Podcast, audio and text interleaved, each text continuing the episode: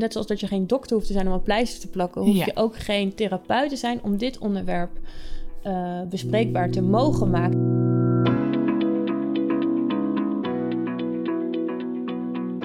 Van harte welkom bij de podcast van rustmetindeklas.nl, waarin jij inspiratie, kennis, concrete tips en oefeningen krijgt voor het nemen van voldoende rustmomenten met kinderen.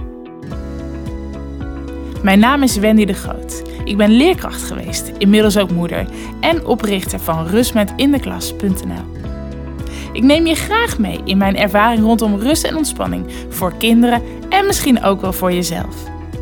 Heel veel luisterplezier en ontspanning gewenst.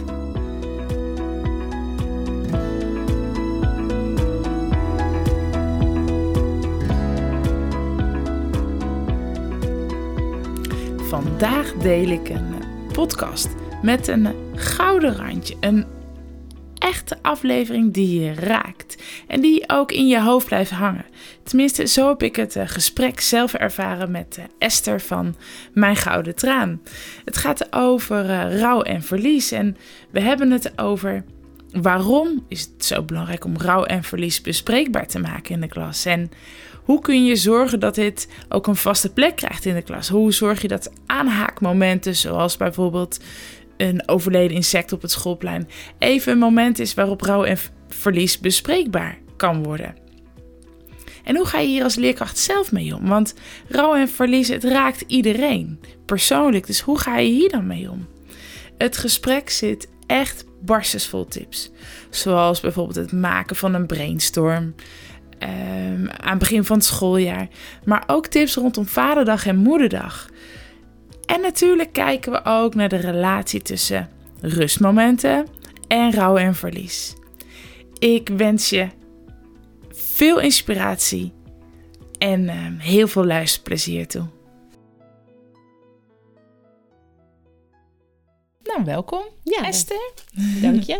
Eh, voor de luisteraars die jou niet kennen, zou je je willen voorstellen? Ja, dat wil ik zeker. Ik ben eh, Esther. Eh, ik werk eh 15 jaar in het onderwijs, voornamelijk als kleuterleerkracht. En toen ik de masteropleiding voor jonge risicokind deed, ben ik een praktijkonderzoek gaan doen naar rouw en verlies in het onderwijs en materialen gaan samenstellen. Eh, en daarna heb ik dat eh, nog aangevuld met kindercoaching en een opleiding tot rouw- en dat heb ik eigenlijk allemaal samengevoegd in eh, mijn gouden traan. Ja. Ja, en mijn gouden traan. Vertel. Ja, mijn gouden traan is er echt, richt ik me nu vooral echt op het onderwijs, om rouw en verlies bespreekbaar te maken in het onderwijs. Ehm, en daarbij gebruik ik dan de metafoor, hè, mijn gouden traan. Eh, omdat er dus niet altijd zichtbaar is dat er verdriet is of dat er iets is meegemaakt in, een, eh, in het leven van een kind. Eh, en die gouden traan, die kan gaan glinsteren. Dus ik noem het gouden traan, omdat het ook veel zegt over de veerkracht van een kind. Hè? Dus op het Mhm. moment dat er aandacht is voor herinneringen ehm, en de, krachten van een kind, of waar een kind voorkeuren heeft, dan, dan is die gouden traan dus zoveel meer dan alleen dat verdriet. Maar zegt het ook nog veel meer over een kind. Oh, mooi. Ja, dus eigenlijk zeg je inderdaad door het woordje gouden toe te voegen, dan geef je, ja, is het inderdaad meer dan verdriet ook een stukje kracht, herinnering, wat erbij Ja. komt kijken. Ja, zegt het eh, over wat het kind ehm, ja, toevoegt zelf om dat verlies in zijn leven te integreren. En ehm, ja, tranen, je hebt natuurlijk heel veel soorten tranen. En Ja. door een gouden traan eh, dat zo te noemen, geeft aan dat het soms niet altijd zichtbaar is, maar dat het er wel bij, bij jouw leven hoort. Dat het er wel bij hoort. Ja, en dat het erbij hoort. Ja. Ja, mooi. Ehm, hoe is het ontstaan? Hoe ben je hier in dit onderwerp zo geïnteresseerd geraakt? Nou, toen ik zes was, verloor ik mijn broertje, eh. Bastiaan. Ehm, die had een hele zware vorm van epilepsie en die is toen eh, in een eh, aanval overleden. Nou ja, en ik ging toen naar groep drie. Ehm, ja, het leven gaat eigenlijk gewoon door. We praten wel over meer dan, moet ik even rekenen, hè, het is 35 jaar geleden. Dus dat is echt... eh, Nee, zo, ja, 32 jaar geleden. Ik moet even goed Ja. nadenken. Ja, maar ja, eh, lang geleden. Dus er was nog veel meer eh, taboe eh, op dit onderwerp. Dus eh, ja, er was niet zoveel aandacht voor. Ehm, maar ik merkte wel, toen ik in groep 5 zat... ging ik dus heel erg hyperventileren... en het ging het echt niet zo goed met mij. En dan kan het ook zijn natuurlijk, uh, toen overleed mijn opa. Vaak als er dan een nieuwe verlieservaring is en daar ligt al een andere verlieservaring onder, waar niet veel aandacht voor is geweest of wat niet zijn plek heeft kunnen vinden, eh, dan, eh, dan wordt dat eigenlijk alsnog weer aangezet. En, maar ik wist dat niet. Dus ik ging hyperventileren, heel erg veel nadenken, dwalen, echt heel veel gedachten. Nou, dan denk je als kind eigenlijk dat je gek wordt. Dat is Ja. eigenlijk een beetje het gevolg. Nou ja, eh, ik moest ook wel eens een keer met iemand praten. En ik heb, ging naar de fysio voor die hyperventilatie. Maar mijn schoolperiode was gewoon best wel lastig. Ik voelde me altijd een beetje anders. Er werd ook niet gepraat over... Hè, je wist niet zo goed wat er bij andere kinderen gebeurde. Daar waren Ja. natuurlijk ook wel dingen aan de hand. Maar dat werd niet besproken. Eh, en toen ik eh, eenmaal later zelf de PABO eh, had gedaan, kwam ik natuurlijk al in dat onderwijs terecht en zag je ook wel dingen bij kinderen. Dus dat zette al wel een beetje die link ook naar mijn eigen, eigen jeugd. En toen ik de master ging doen, eh, moest ik een meesterstuk gaan schrijven, dus echt praktijkonderzoek doen. En toen dacht ik, ja, dit is natuurlijk wel. Dit, toen voelde ik wel aan alles, dat wil ik overal verlies doen. Ehm, en eh, dat heb ik gedaan. En daardoor dook ik al veel meer in het onderwerp. Voegde ik heel veel theorie en kennis toe aan mijn persoonlijke ervaring. Ja. Ehm, en zag ik ook hoe belangrijk het is dat er praktische dingen voorhanden zijn in een school die over dit onderwerp gaan, die leerkrachten kunnen pakken, die, waarvan leerkrachten weten, hey, dit, dit kan fijn zijn voor kinderen om, om erbij te hebben. Eh, maar goed, het was in, in eerste instantie gewoon dus eigen therapie. En toen dat, dat stukje voorbij was, wat niet nooit helemaal voorbij is, want Mhm. je blijft daar natuurlijk mee bezig. Dat blijft je hele leven een thema. eh, dacht ik wel, ja, dit, hier wil ik eh, meer mee. En zo is eigenlijk het begin van mijn gouden tranen ontstaan. ja, bijzonder. Ja, Een bijzondere weg. Dus inderdaad, door eigenlijk een persoonlijke ervaring. ehm, waarvan je eigenlijk in je eigen jeugd niet goed snapte wat er nou aan de hand was. nee, klopt. En toen ben je inderdaad later, toen je zelf voor de klas stond, verder gaan ontdekken. Ehm, eigenlijk een beetje eigen therapie ook gedaan Ja. met, met een opleiding. En je, toen ben je eigenlijk pas gaan snappen wat er toen met jou gebeurde Ja. in de basisschoolperiode. Klopt. Ja, En dat heeft bij jou een vuurtje aangewakkerd. Dit wil ik eigenlijk al eerder delen. ja. Hè? Ja, absoluut. Zodat kinderen... Hè, ik had voortdurend het aha-effect. Als ik die boeken las of als ik de trainingen volgde... dacht ik, oh ja, ja, oh ja. Oh, dat had ik ook. Oh ja, dat had ik ook. En nou is het natuurlijk voor iedereen heel persoonlijk. Maar Ja. ik dacht wel... eh, school eh, is de plek. En gaandeweg de jaren ben ik daar nog veel meer over gaan leren. Maar school is die, kan die plek zijn, die veilige basis. eh, de- dat hoop je hè, dat dat is voor kinderen. Waar de leerkracht als rolmodel ook dit onderwerp binnen die klas haalt. Eh, zodat kinderen ervaren, dit hoort erbij. En het is niet altijd iets aparts of... eh, nee, heel veel kinderen maken... Hè, dan heb ik het nu voor mijn eigen ervaring over een overlijden. Maar heel veel kinderen maken natuurlijk afscheid mee. Een scheiding, eh, een immigratie, kinderen die uit een land moeten vluchten. Er zijn zoveel vormen van verlies. En het is zo waardevol en belangrijk dat kinderen aanhaakmomentjes hebben eh, waarin ze kunnen aanhaken met hun eigen levensverhaal. En er zijn kinderen die er niets over willen vertellen, Mhm. maar die dan wel voelen: hey, de leerkracht weet er wel van. Eh, Ja. Dus eh, ik denk dat, dat onderwijs daar, de klas, de school, daar echt een hele belangrijke rol in heeft. Ja, ja, de kinderen gaan natuurlijk iedere dag naar school. Ja, Hè? ja. Dus ik denk zeker ook wat je zegt, dat school daarin een veilige basis kan zijn. ehm, om ook echt ruimte te geven voor rouw en verdriet. Of het in ieder geval te zien. ja, absoluut. Dat kinderen weten, wat jij nu eigenlijk als laatste zegt, dat als kinderen niet iedereen wilde over praten, en het hoeft ook niet, Nee, maar dat in ieder geval kinderen, mensen weten, de ruimte is er. Ja. Het mag. Ja, en dat een leerkracht ook een soort. Kijk, ieder heeft zijn eigen ervaringen. En dat, eh, dat benoem ik ook eh, Ja. als ik met leerkrachten praat. Want je eigen ervaring speelt er ook in mee. Ja. Eh, en, maar kinderen vanuit de behoefte, vanuit hun eerste behoefte, vanuit hun ontwikkeling, zijn kinderen heel erg nieuwsgierig naar de dood. Mhm. Naar eh, hoe dat zit. Willen ze er meer over leren? En moeten ze er ook meer over leren? Want kinderen weten vanaf jongs af aan. Hè, het besef over wat dood is, dat groeit gaandeweg de jaren.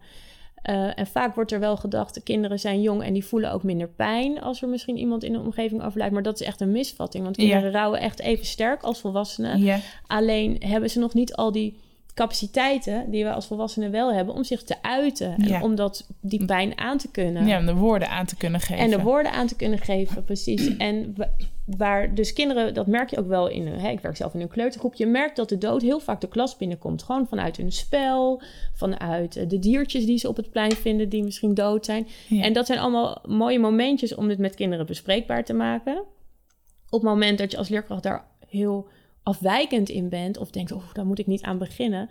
Dan eh, kan dat bij kinderen uiteindelijk natuurlijk ook een soort... Die denken, oh, daar mag ik niet over praten. Ja. Het is echt iets anders. ja. Eh, dus ja, en daar, dat is natuurlijk niet alleen de leerkracht. Dat Nee. speelt zich ook thuis af. Ja. Maar goed, hè, dat Ja, ja, is toch wel belangrijk. Ja, ja dus ehm, eigenlijk is jouw wens ook, of jouw idee, dat we de nieuwsgierigheid naar de dood, dat die er ook mag zijn en dat we dat niet afwijzen. Precies. Zodat het een open onderwerp blijft, waar Ja. we open over mogen communiceren. Ja, helemaal. En dat het dus, wat jij ook zei, dat het bij jou ging het eigenlijk ook in je lijf vastzitten door Ja. hyperventileren Ja. en zo. Ja, Dat we eigenlijk doordat we vanaf jongs af aan het thema laten zijn, er aandacht aan geven als het, als het voorbij komt. ja, Ehm, nou, en daarmee kunnen we dus heel veel kinderen ook op latere leeftijd helpen. Of als, als Ja. er dan wel een wat ernstiger ge- eh, sterfgeval in de Ja. omgeving is. ja dat, dat klopt. Hè? Want als je bijvoorbeeld naar de rouwmodellen kijkt... dan heb je bijvoorbeeld een heel bekend rou- rouwmodel is van woorden. Dat gaat over vier Mhm. taken. Ehm, en dan gaat de eerste taak heel erg over de realiteit. Onder ogen zien hè, wat, het, eh, wat er gebeurd is. Je hebt eh, te maken met de emoties, de pijn die erbij komt kijken. Hoe is je aanpassing? Hoe is je gedrag als je ermee te maken hebt? En dan heb je ook nog een stukje zingeving. Ik vat ze nu heel kort Mhm. samen, hoor. het zijn wat Ja, ja, ja. uitgebreide taken. Ja. Eigenlijk is er later een rouwtaak 0 aan toegevoegd. Niet door hemzelf. Ik Ja. weet even niet precies door wie, maar die is er aan toegevoegd. En die, Ja. die zegt eigenlijk rouwtaak 0 is dat je kinderen al van jongs af aan wel kennis laat maken met dit onderwerp. Ja. Want dat zorgt ervoor, tuurlijk maakt het de pijn later niet minder Nee. als jij iemand verliest of te maken krijgt met een andere verlieservaring. Maar er is al wel een beetje kennis. En dat maakt wel, het is niet helemaal vreemd. En dat maakt het toch ehm, voor kinderen wel eh, misschien iets makkelijker om dingen weer in concept in hun hoofd aan dingetjes te linken. Ja. Ehm, en dat, eh, dus dat zeggen ze eigenlijk. Nou, een rouwtaak 0 is eigenlijk ook op scholen natuurlijk heel goed te doen. Ja. En dat hoeft echt niet heel veel eh, tijd te kosten. Maar, en je zal zien, kijk, en jongere kinderen zijn er wat opener over. En oudere kinderen stellen weer andere vragen. Alleen al de vragen die kinderen erover stellen, Ja. als je alleen al de ruimte geeft aan de vragen, ben je daar ook mee bezig. Dus het is niet zo dat we een enorme methode moeten optuigen. Of dat je elke week zoveel minuten ermee bezig moet zijn. Ik denk als je zou beginnen met alleen al te zien wat kinderen zelf inbrengen rondom dit onderwerp. Ehm, dat, je, nou, dat je dan al een hele mooie stap hebt gezet in die bewustwording en, het, en erkenning naar de kinderen toe. Ja. Ja, dus eigenlijk inderdaad als we het onderwerp rouw en verlies in het onderwijs, als het je klas binnenkomt, of ehm, eh, ook los van de klaspraktijk, als het thuis binnenkomt, bij de kindercoach, bij zo, et cetera. Ja, Als het onderwerp rouw en verlies voorbij komt, dat je dan even zo'n aanhaakmoment hebt, ja. dat, dat je daarop in kunt spelen. Dat je erop in kunt spelen en dat je dan als leerkracht... Kijk, dan helpt het wel dat je misschien... eh, Ik zeg al, je hoeft niet alles te weten. Het helpt Nee. wel als je er een klein beetje in verdiept Ja. hebt. Daar, dat, daar probeer ik leerkrachten te brengen. Ja, Ehm, en als je een klein, dan sta je daar zelf ook wat, wat eh, zekerder in. En dan voelt het niet als een onderwerp waar je heel voorzichtig. Kijk, je bent wel voorzichtig, want je, en je kent je kinderen. Maar ehm, je mag best dit onderwerp bespreekbaar maken. Hè? Ze zeggen ook wel, je hoeft geen. eh, net zoals dat je geen dokter hoeft te zijn om een pleister te plakken, hoef Ja. je ook geen therapeut te zijn om dit onderwerp. eh, bespreekbaar te mogen maken. En ik denk Ja. dat we als leerkrachten heel goed weten of mensen die met kinderen werken, dat je heel goed ziet, hey, dit kind loopt echt vast. ja, Hier is meer nodig. Ehm, nou, dan weet je dat je door kan verwijzen of dat er hele goede rouwtherapeuten zijn waar een kind eh, ehm, naartoe kan. Maar er zijn ook heel veel dingen die gewoon bij normaal gedrag horen. Dus eh, rouw kan natuurlijk ook, dat zeggen we ook wel, het is niet in één schooljaar afgelopen. We zijn in het onderwijs natuurlijk heel erg gek op smart doelstellingen, groepsplannen, afvinken. En met dit onderwerp is het niet zo. Er is niet één oplossing. Je kan de pijn niet wegnemen. Dus het is voor je als leerkracht of mensen die met kinderen werken ook een taak om ehm, te verduren dat kinderen pijn hebben en dat het even niet zo lekker met ze gaat en dat ze er verdriet van hebben. Het hoeft niet altijd alleen maar Ja. allemaal blij, en, want dit is er ook. Ja. ja je zegt nu een, inderdaad een paar mooie dingen.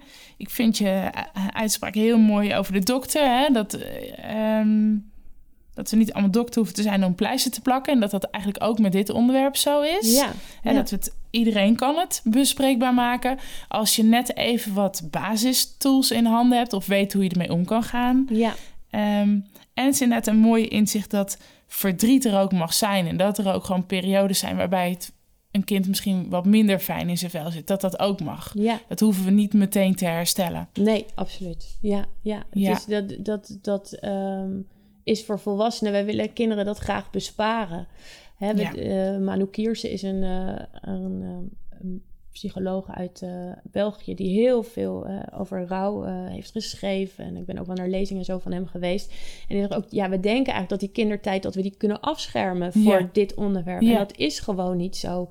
En waar vroeger het nog, bij wijze van spreken, een bed in de huiskamer stond, waren kinderen, hè, dan praten we echt over jaren, tientallen jaren geleden, dat was nog veel meer in de nabijheid van kinderen. En dat is heel erg veranderd, waardoor het eh, wel echt een heel apart stukje lijkt, waardoor kinderen er niet zoveel meer mee te maken krijgen. En er natuurlijk ook een periode is geweest dat kinderen veel meer werden weggehouden en eh, ja, denken dat we ze beschermen door er niet over te praten Ja, of door ze niet alles te vertellen. Terwijl als kinderen eh, zelf op zoek gaan naar de antwoorden over wat ze niet weten, dat nog vaak nog vele malen erger is. En dan klinkt het soms heel moeilijk om kinderen eerlijk te vertellen over wat er is gebeurd of hoe dingen gaan zijn. Maar kinderen hebben daar wel behoefte aan. En kinderen vragen vaak tot wat ze willen weten. ja, Eh, dus, en je, en je- kijk, in de klas gebeurt ook kinderen komen met dingen waar je niet eens het goede antwoord op hebt. Maar de ruimte die je voor die vragen die is nog veel belangrijker dan het goede antwoord. En dan kun je ook zeggen, wat denk jij? Of, nou ja, sommige mensen denken dat we naar de hemel gaan. En sommige mensen, weet je, je kan dat heel erg openleggen. Daar hoef je niet één pasklaar antwoord eh, op te geven. ja. Ja, dus dat is inderdaad wel een mooie om die alvast eh, voor de luisteraar ook eh, mee te nemen. Dat als er vragen komen, hoeft er geen mooi antwoord te zijn. Je kunt het antwoord gewoon open houden. Je- ja, precies. En dat is oké. Ja, dat is goed. Want Ja. dan weet het kind wel, hé, hey, ik mag dit eh, bespreekbaar maken. Ik mag het vragen. Oké, nou, de juf of de meester heeft ook niet alle antwoorden. Hé, hey, andere kinderen denken er anders over. Andere kinderen komen misschien met een ander geloof vanuit thuis. Hé, hey, daar Ja. wordt anders over gedacht. Dan denk ik, ja, dit geeft, dit, dan heb je het over burgerschap en Ja. over identiteitsontwikkeling. En, dat je, en dat kan van jongs af aan al. Ik bedoel, daar, daar hoef je... En, en, en wees je ook van bewust dat dit soort onderwerpen bij jezelf natuurlijk ook iets kunnen losmaken. Ja. Dat mag ook.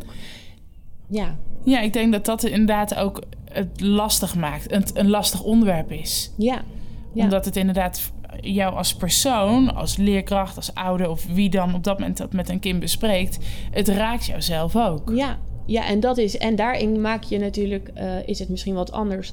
als je in de kring gewoon een alledaags gesprek heeft. Ja. en daar komt naar voren dat er een huisdier is overleden. is anders. als dat jij te maken krijgt als leerkracht met een.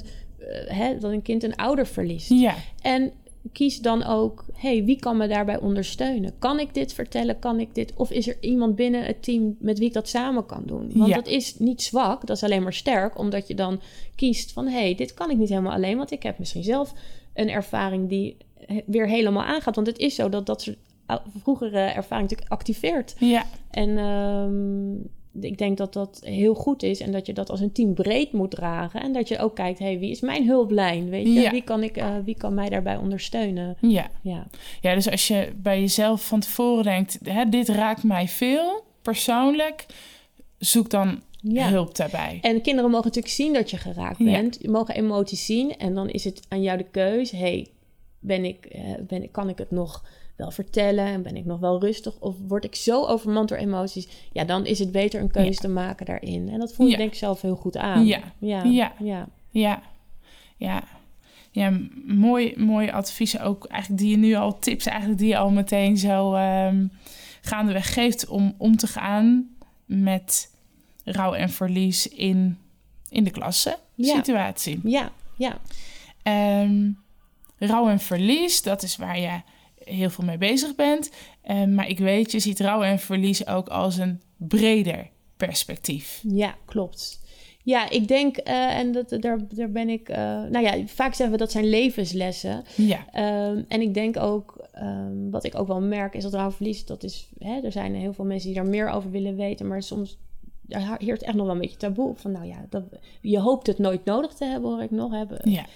Nee, terwijl ik denk, en daarvoor hebben we ook die rituelen bijvoorbeeld gemaakt... dat ik denk, um, als jij uh, dat op regelmatig lekker in de klas aan bod laat komen.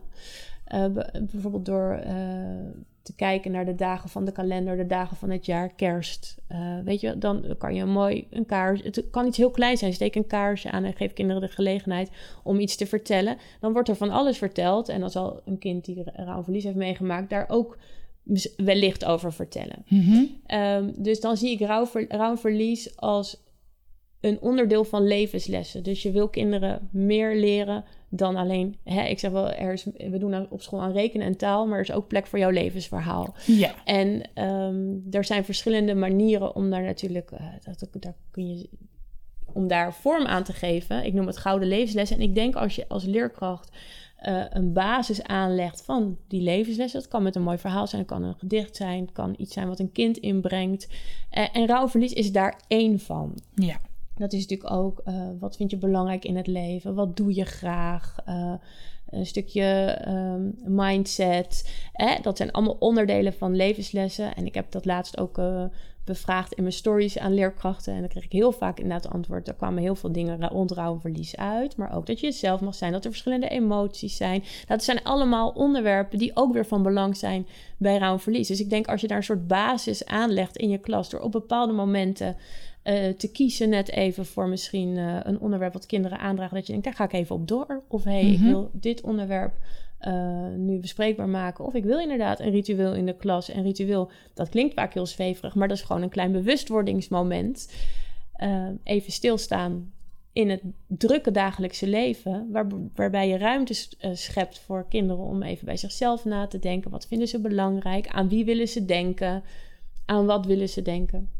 dan denk ik dat je daar een mooie basis legt voor eventuele ervaringen die later komen ja. en daarop door kunt pakken. Ja, dan kom je eigenlijk weer terug bij wat je net vertelde over rouwtaak nul. Ja. Dat je eigenlijk ja. op de, in het jonge leven van een kind een basis legt. Er is aandacht voor levenslessen. Wie ben jij? Wat ben jij? Ja. Wat is jouw verhaal? Wat heb je meegemaakt? Ja.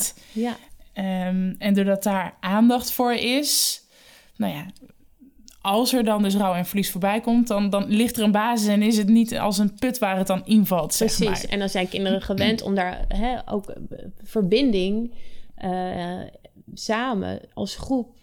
Uh, kijk, ieder, ieder mens wil, wil ergens bij horen. En dat is natuurlijk al in, in de klas ook. Ja. En als je ervaart dat anderen ook hun verhaal hebben. En Ja. dat, eh, dat is namelijk denk ik ook een heel bela- belangrijk punt daarvan. Dat je merkt, hé, hey, die heeft dat ook of die heeft dat anders. En niet om het te vergelijken. Kijk, kin- Ja. kinderen hebben die rauwe meetlat niet. Die, Nee. Of leedlat hoorde ik laat. Die, die bestaat bij kinderen eigenlijk niet. Want Ja. die eh, kunnen verhalen moeiteloos naast elkaar leggen. En dat is ook prima. Ja, Ehm, daar kunnen we als volwassenen nog heel veel van leren. of dat zijn misschien een beetje kwijtraakt soms. Maar dan denk ik, ja, dat is het mooie van zo'n klas. En zeker als je op een gegeven moment daar een fijne sfeer hebt. Een goede... Kijk, kinderen voelen zelf ook wel dat er dingetjes spelen bij kinderen. Dus als het op een gegeven moment duidelijk is...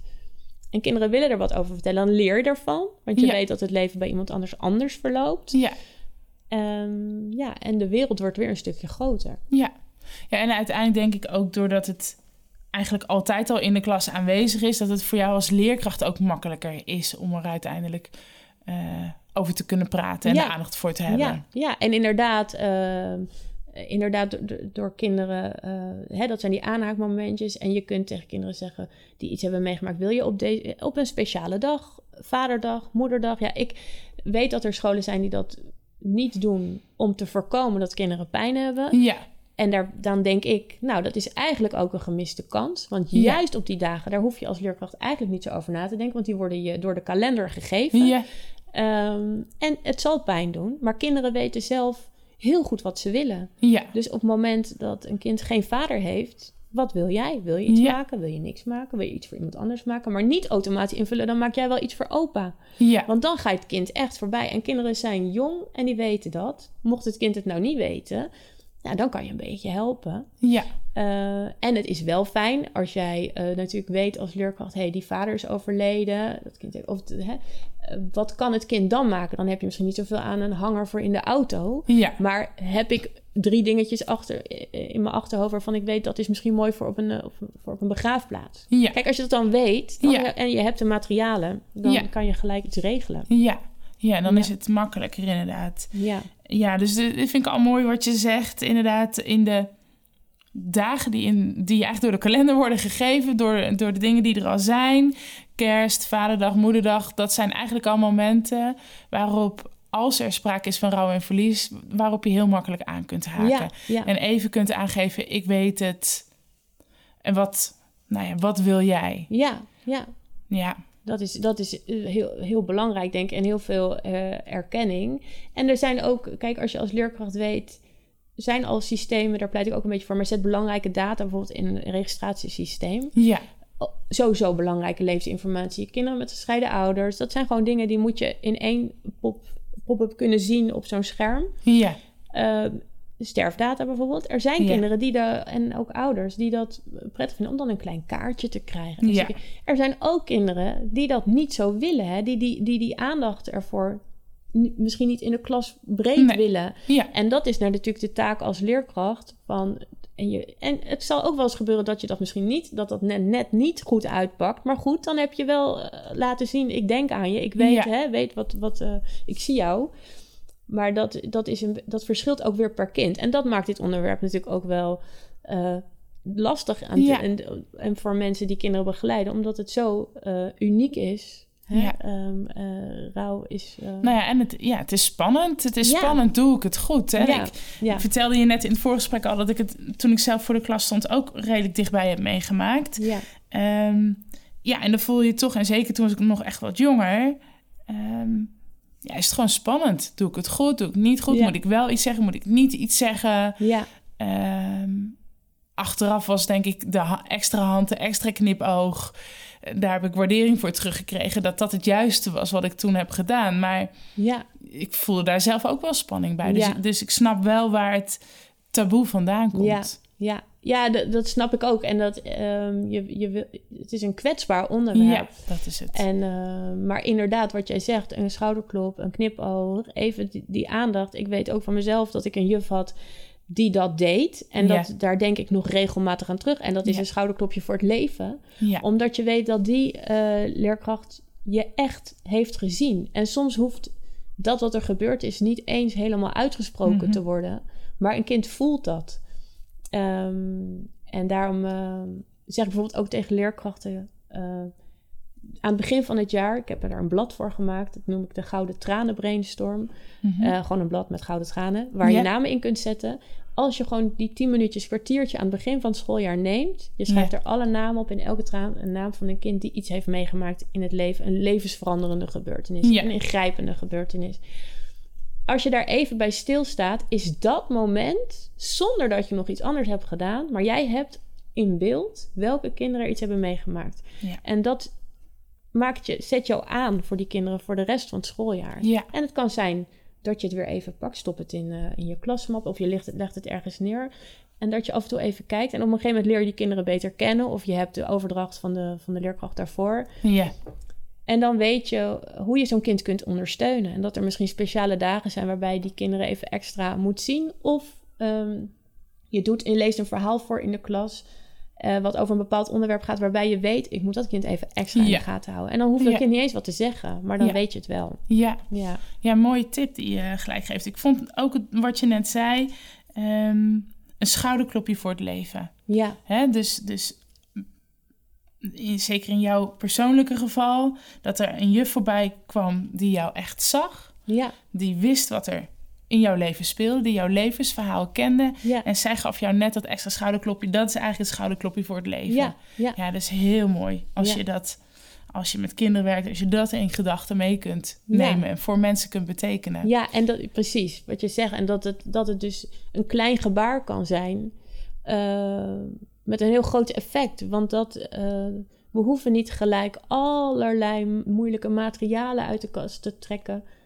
Als je ze hebt en je weet dat het fijn werkt, is het goed. Maar dat kleine, dat, dat, jij bent belangrijker dan de werkvorm. Ja. Dat is echt zo. Ja. En, en er zijn werkvormen die heel prettig zijn en die heel ondersteunend kunnen zijn. Maar als eerste ben jij als leerkracht in het contact met dat kind veel belangrijker Ja. dan alles wat je daarna nog Ja. zou moeten doen. Ja. Ja, dus eigenlijk, eh, er is heel veel materiaal en er zijn hele methodes. Maar eigenlijk zeg jij, hou het klein, hou het praktisch. Het begint in ieder geval Ja. bij jou. Ja. Eh, en je geeft eigenlijk ook voor het begin van het schooljaar al een hele mooie tip. Een werkblad met ehm, tranen erop. Ja, Waar je ieder kinds naam invult. Ja. En je kunt kinderen het zelf in laten vullen. Of je kunt het als het jong kinderen zijn even voor jezelf. ja. Even een momentje nemen. Oké, wat weet ik over deze kinderen? En wat is handig dat ik dat gewoon in mijn achterhoofd hou? Ja, zo heb ik hem inderdaad eh, opgezet. Dat je, dat je gewoon daar die bewustwording. En dat is het eerste stukje erkenning. Omdat je echt. eh, ja, heel, je hoort nog wel regelmatig dat het ehm, verdwijnt na een aantal jaar. Of hé, hey, dat was toch in de kleutergroep onlangs nog gehoord. Zonder oordeel hoor. Want Ja, mensen, ja. dat, dan ontbreekt er wat kennis. Ja, Maar ja, het kan best zijn dat een kind in de kleutergroep iemand, een ouder verliest. Of een, of een familielid. En daar in groep 6 daadwerkelijk wel problemen mee krijgt. In de rouwreacties krijgt. Kinderen kunnen dat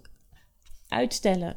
Dus het kan ook zijn eh, va- dat wat ook vaak gebeurt is dat wanneer het weer wat beter met de ouders gaat of de ouder, Mhm. dan komt er ruimte voor een kind. Dus ehm, dat is belangrijk in die overdracht. Het duurt langer dan een schooljaar. Hè, we spreken ook niet meer van verlies verwerken, maar overleven. Ja. Je neemt het je hele leven mee. En er, je zal op bepaalde momenten, en zeker voor kinderen in die ontwikkeling, die zo in sprongen gaat, zal soms dat verlies herijkt moeten worden. Kijk, een, een jongen op de middelbare school heeft misschien opeens weer veel meer behoefte aan dat vaderfiguur. Ehm, en zal daardoor meer die rouw uiten op een bepaalde manier. Maar als er dan op school daar niet van geweten wordt, zou je ook kunnen denken dat het storend gedrag is. Ja. En zie je dat er, dat er andere dingen bij komen kijken. Dus het is Ja. Niet voor kinderen om te gaan hangen in die rouw. Van, oh, Ja. hè, niet...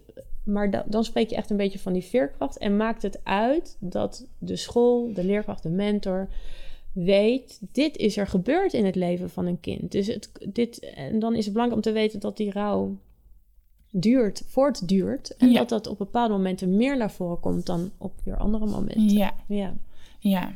ja, dus zorg dat je echt weet, als je met kinderen werkt, nou ja, weet het levensverhaal van een kind. ja. Dan kun je gedrag soms wat meer begrijpen.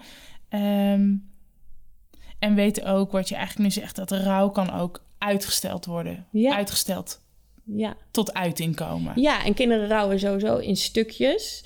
Eh, omdat ze die voortdurende pijn hebben. Ik zeg, ze kinderen ontwikkelen zich nog. En ze kunnen die voortdurende pijn nog niet aan. Dus ze, verraden het, ze, ze, ze bekijken het ook wel eens met eh, een metafoor van... eh, waar voor rouw voor volwassenen voelt als waden door een rivier. Mhm. Is het voor kinderen eigenlijk in regenplassen springen. Dus in, uit, in, uit.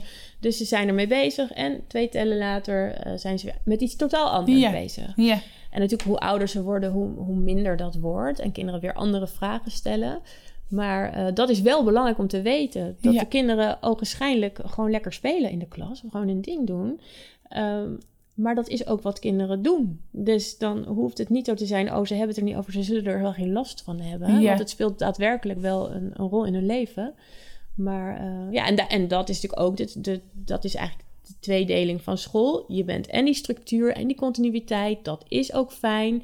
Maar binnen die structuur en je schema... kun je ook kleine ruimtes maken Ja. voor, voor dit onderwerp. ja, en die kleine ruimtes, daarvoor, eh, daar richt jij je ook op. Om Ja. daar aandacht en om daar praktisch handvat voor te geven. Ja, Eh, dus jij zegt eigenlijk, het is gewoon fijn als je als leerkracht een beetje basis hebt. Hoe werkt rouw en verlies? ja, Eh, ook om gewoon die basis te leggen waar je het eigenlijk over hebt. En als er eh rouw en verlies dichterbij komt, Ja. dat je dan ook gewoon wat handvatten Ja. hebt en daar niet, dat je daar gewoon niet van in de stress hoeft te raken. ja, Hè? Of ingewikkelde methodes voor hoeft door te bladeren. ja, klopt. Ja, Dus jij maakt hele praktische ehm, materialen. ja. Nou, je noemde net al heel even dat je iets met rituelen hebt gedaan. Ja, ja, ik heb samen met eh Angelique van Koesterbooster, zij is vormgever, hebben we eh, twaalf rituelen uitgeschreven. En die rituelen eh, heb ik ook op mijn opleiding geleerd. Die kan je eigenlijk ontleden in drie elementen. Dus elk ritueel heeft een symbool, Ja. een symboolhandeling, een symbooltaal. Mm dus je kunt, uh, nou neem even een ritueel wat bijvoorbeeld heel makkelijk in de klasse in te zetten is, is bijvoorbeeld bellenblaas. Hè, op het moment dat je dan is de bel uh, het symbool en die staat dan symbool voor gedachten, herinneringen, wensen, dromen die je in die bel blaast. Dus de symboolhandeling is dan de bel blazen. Niet alleen om die mooie bel uh, tevoorschijn te krijgen, maar echt met die diepere betekenis. En de symbooltaal die je eraan toevoegt. En daardoor kan je eigenlijk vrij makkelijk een wat iets dieper ritueel in je klas maken of, in, uh, of op een andere setting met kinderen. Is doordat je die drie elementen aan elkaar koppelt. Dus je vertelt, wij gaan vandaag bellen blazen voor nou, uh, iemand die gemist wordt. Of om het kan ook zijn bijvoorbeeld het schooljaar af te sluiten. Wensen ja. of mooie hè, herinneringen van het afgelopen schooljaar. Mm -hmm. En in je bel blaas je een een mooie herinnering of iets wat je tegen degene wil zeggen die je mist. En je kunt daar de symbooltaal, dat is eigenlijk de taal die je eraan geeft. En uh, in het boekje geven we daar allemaal suggesties voor en ook nog gesprekstarters. Bijvoorbeeld, ik, bla, ik bla, bla, blaas een bel voor. Um, en je kan zo'n ritueel dan ook nog even gezamenlijk afsluiten, kinderen erover laten vertellen. Nou ja, zo hebben we eigenlijk twaalf rituelen beschreven met alledaagse materialen. Dus dat je wat je in, wat je in de buurt ja. hebt. Een herinnerings. Uh, armbandje, rijgen, um, maar ook de seizoenen en de, de, hè, de seizoenen, de herfst, uh, uh, winter, in de sneeuw. Nou goed, dat komt allemaal naar voren, juist om die handreiking te geven. Um, en dat kun je in de klas, uh, ja, daar kun je ook je vrijheid zelf natuurlijk innemen. Als je een beetje die opbouw weet, ja. dan uh, kan je zelf rituelen maken. Ja, je hebt een heel prachtig boekje gemaakt. En dat boekje kun je gewoon vooral als handreiking gebruiken. Ja, klopt. Gewoon een inspiratie uit ja. opdoen, uit de praktische ja. uh, dingen die al voor de hand zijn. Zodat het niet te veel voorbereiding kost. Ja. En dat je wel even nou, rituelen inbouwt. En waarbij je dus eigenlijk automatisch, weet je, die basis ook legt. Ja, voor rouw en verlies en kinderen waarbij rouw speelt even een moment geeft. Ja, ja we zeggen ook, we gunnen het kinderen om al vanaf jonge leeftijd de ruimte en de rust te voelen om te denken en te voelen, ik denk aan je, hè, vanuit die ik-boodschap. Dus dat kinderen dat van jongs af aan meekrijgen, dat dat op bepaalde momenten mag. En natuurlijk, kijk, heb je de, hè, dat zei ik net ook in de klas, je hebt de spontane momenten waar je op kunt aanhaken. En het kan als leerkracht of als begeleider van kinderen ook fijn zijn om zelf zoiets te initiëren. Door ja. te denken. En dat is zeker ook fijn als er een acute situatie is. Ja. Je denkt, ik wil wel iets met die hele klas doen, met die ja. hele groep kinderen. Um, het kan ook in kleine groepjes, als je denkt. Maar dan, dat is fijn. En dan heb je toch inspiratie. Ja. En dan met niet uh, al te, weet je, je, vaak heb je de materialen wel uh, in de buurt. Ja. ja. Ja, dat je meer kan dan een prentenboek lezen ja. en een kaartje maken. Ja, dat, ja, je... dat je gewoon, um, de, precies dat. Ja. ja. En dat kan ook uh, allemaal heel mooi zijn. Maar inderdaad, dat je er net iets meer verdieping aan geeft. En ik denk op het moment dat je zo'n symbool um, iets verder toelicht, geeft voor jezelf is dat ook prettig. Ja. Dan uh, geeft het je ook wat meer diepgang. En ja. dan denk je, oh ja, dat, dat, dan zijn we nu echt... Uh, met iets kleins kun je het al iets bijzonderder maken. Ja. Door het inderdaad te introduceren. Als je iets op tafel wil, doe je er een mooi kleed op. Of je zet rustige muziek aan. Dan geeft het gelijk een bepaalde setting. Ja. Ja, ja mooi. En dan ja, ontstaat eigenlijk verdieping voor jezelf. Maar verdieping ook in de verbinding die je met elkaar hebt. Ja, en ja. kinderen zijn daar uh, best wel je zal merken dat sommige kinderen dat, ze, dat denken en daar best wel voor aanstaan. Het ja. niet, ze kunnen dat heel mooi. En het is ook wel mooi als een ieder daar zijn eigen uh, invulling aan geeft. Um, um, ja, dat, dat, dat, die ruimte, die, die, als ze die krijgen, die verwondering op die manier kijken, dat kunnen kinderen eigenlijk heel goed. Dat moeten misschien ja. als volwassenen soms weer iets meer terugpakken. Ja, maar als je dat met de kinderen meedoet, is dat heel, uh, heel mooi. Ja. Ja. Ja. en je gaf net eigenlijk al uh, aan um, dat we gunnen kinderen de rust en de ruimte ja. om dit te gaan doen. En dan kwam natuurlijk ook heel mooi bij hè, mijn missie, Ja. namelijk Ja. meer rustmomenten, meer momenten van even afschakelen, even stoppen met wat we aan het doen zijn, ehm, om daarna weer verder te kunnen, maar dus ook een stukje bewustzijn. Ja, ja, ja. Hoe zie jij uh, nou ja, de rol van rust in relatie met rouw en verliesverwerking? Ja, ik denk dat, uh, dat op het moment dat je die momenten in de klas kunt creëren, door even een pauze te nemen in dat al, drukke alledaagse, uh, juist op die momenten uh, het er kan zijn. Dus dat je juist in de momenten van die... Maar ook jezelf als leerkracht dan die rust voelt en het Ja. ook ziet. Ja. Eh, en het hoeven maar korte momenten te zijn. Eh, het hoeven niet enorme, enorme...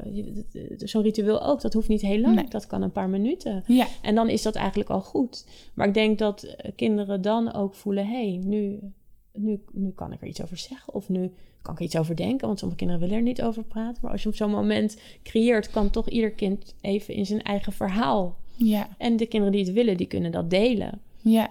Ja. En hoe doe, je dat, hoe doe jij dat in de klas? Zorg voor die rustmomenten? Nou, dat is toch ehm, eh, bijvoorbeeld wat ik ook doe. eh, hè, sowieso de rituelen zet ik regelmatig in. Dus ook eh, hè, met Pasen. was een mooi voorbeeld. Een paastak kan je natuurlijk heel snel volhangen met allerlei mooie versiersels.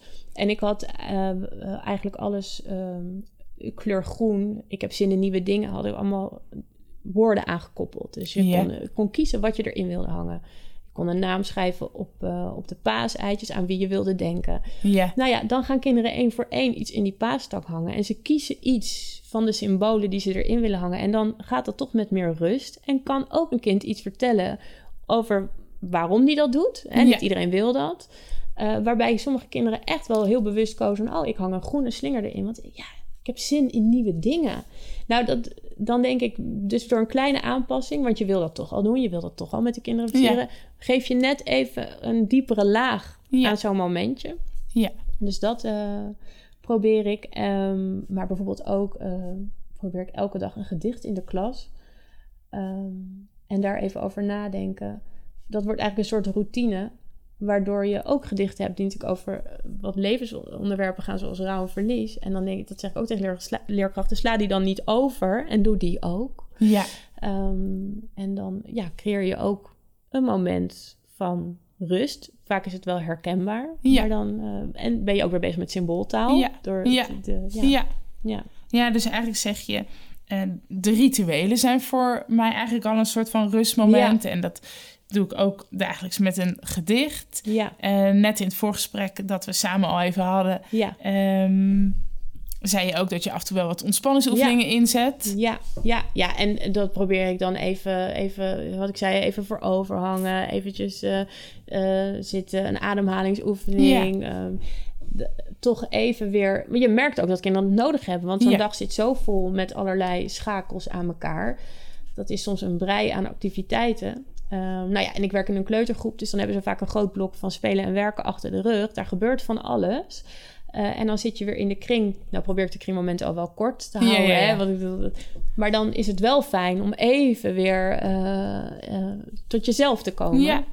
Ja, dus dat. dat Ja, dus ontspanningsoefeningen zet je ook in. En ik kan me ook voorstellen dat als de kinderen gewerkt hebben en je hebt daarna inderdaad een gedicht waar een Ja. in voorkomt, dat zo'n ontspanningsoefening eigenlijk zo'n overgangsmoment ja, is. Ja, ja, klopt. Want je moet even weer eh, met z'n allen even weer landen in die kring. Ja. En ja, want je, anders is het eh padboom eh, weer door naar het volgende. Ja. Maar dan ben je inderdaad eerst even rustig Ja. weer op je plekje. En dan, Ja. ja, ja, Ja, dus ontspanningsoefeningen kunnen in dat stapje ervoor, Zeker. zodat er daarna ook rust is en verbinding om Ja.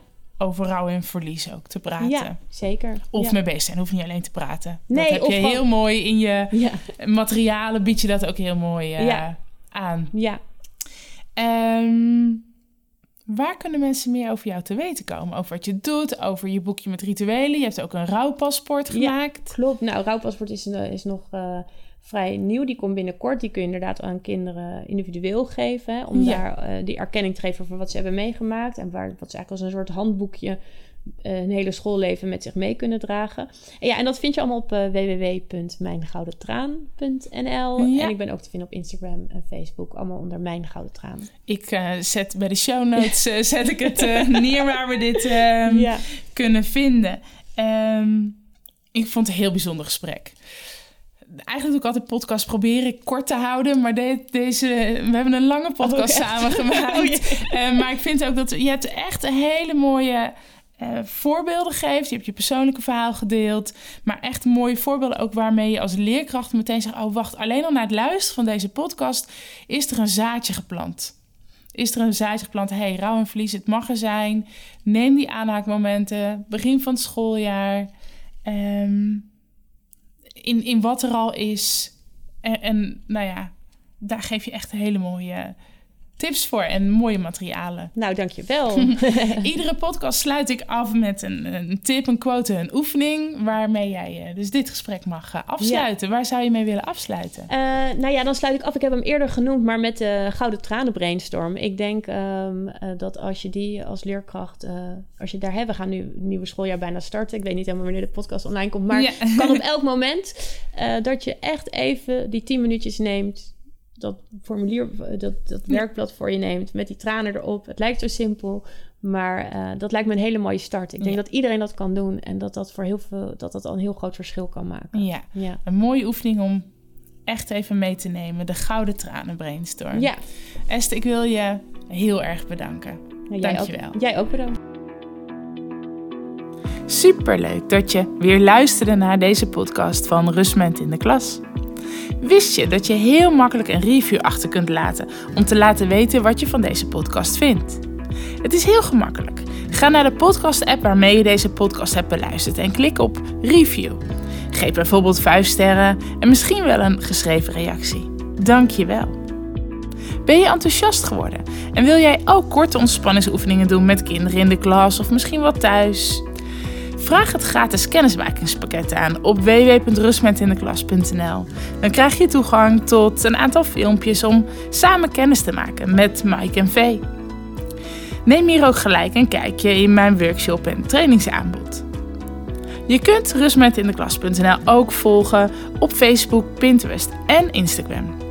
Via deze kanalen kun je deze podcast ook delen door bijvoorbeeld een screenshot te maken van je scherm nu Deel deze en tag dan Rustmet in de klas. Nogmaals, dankjewel dat je luisterde. En ik wens je veel rust en ontspanning toe.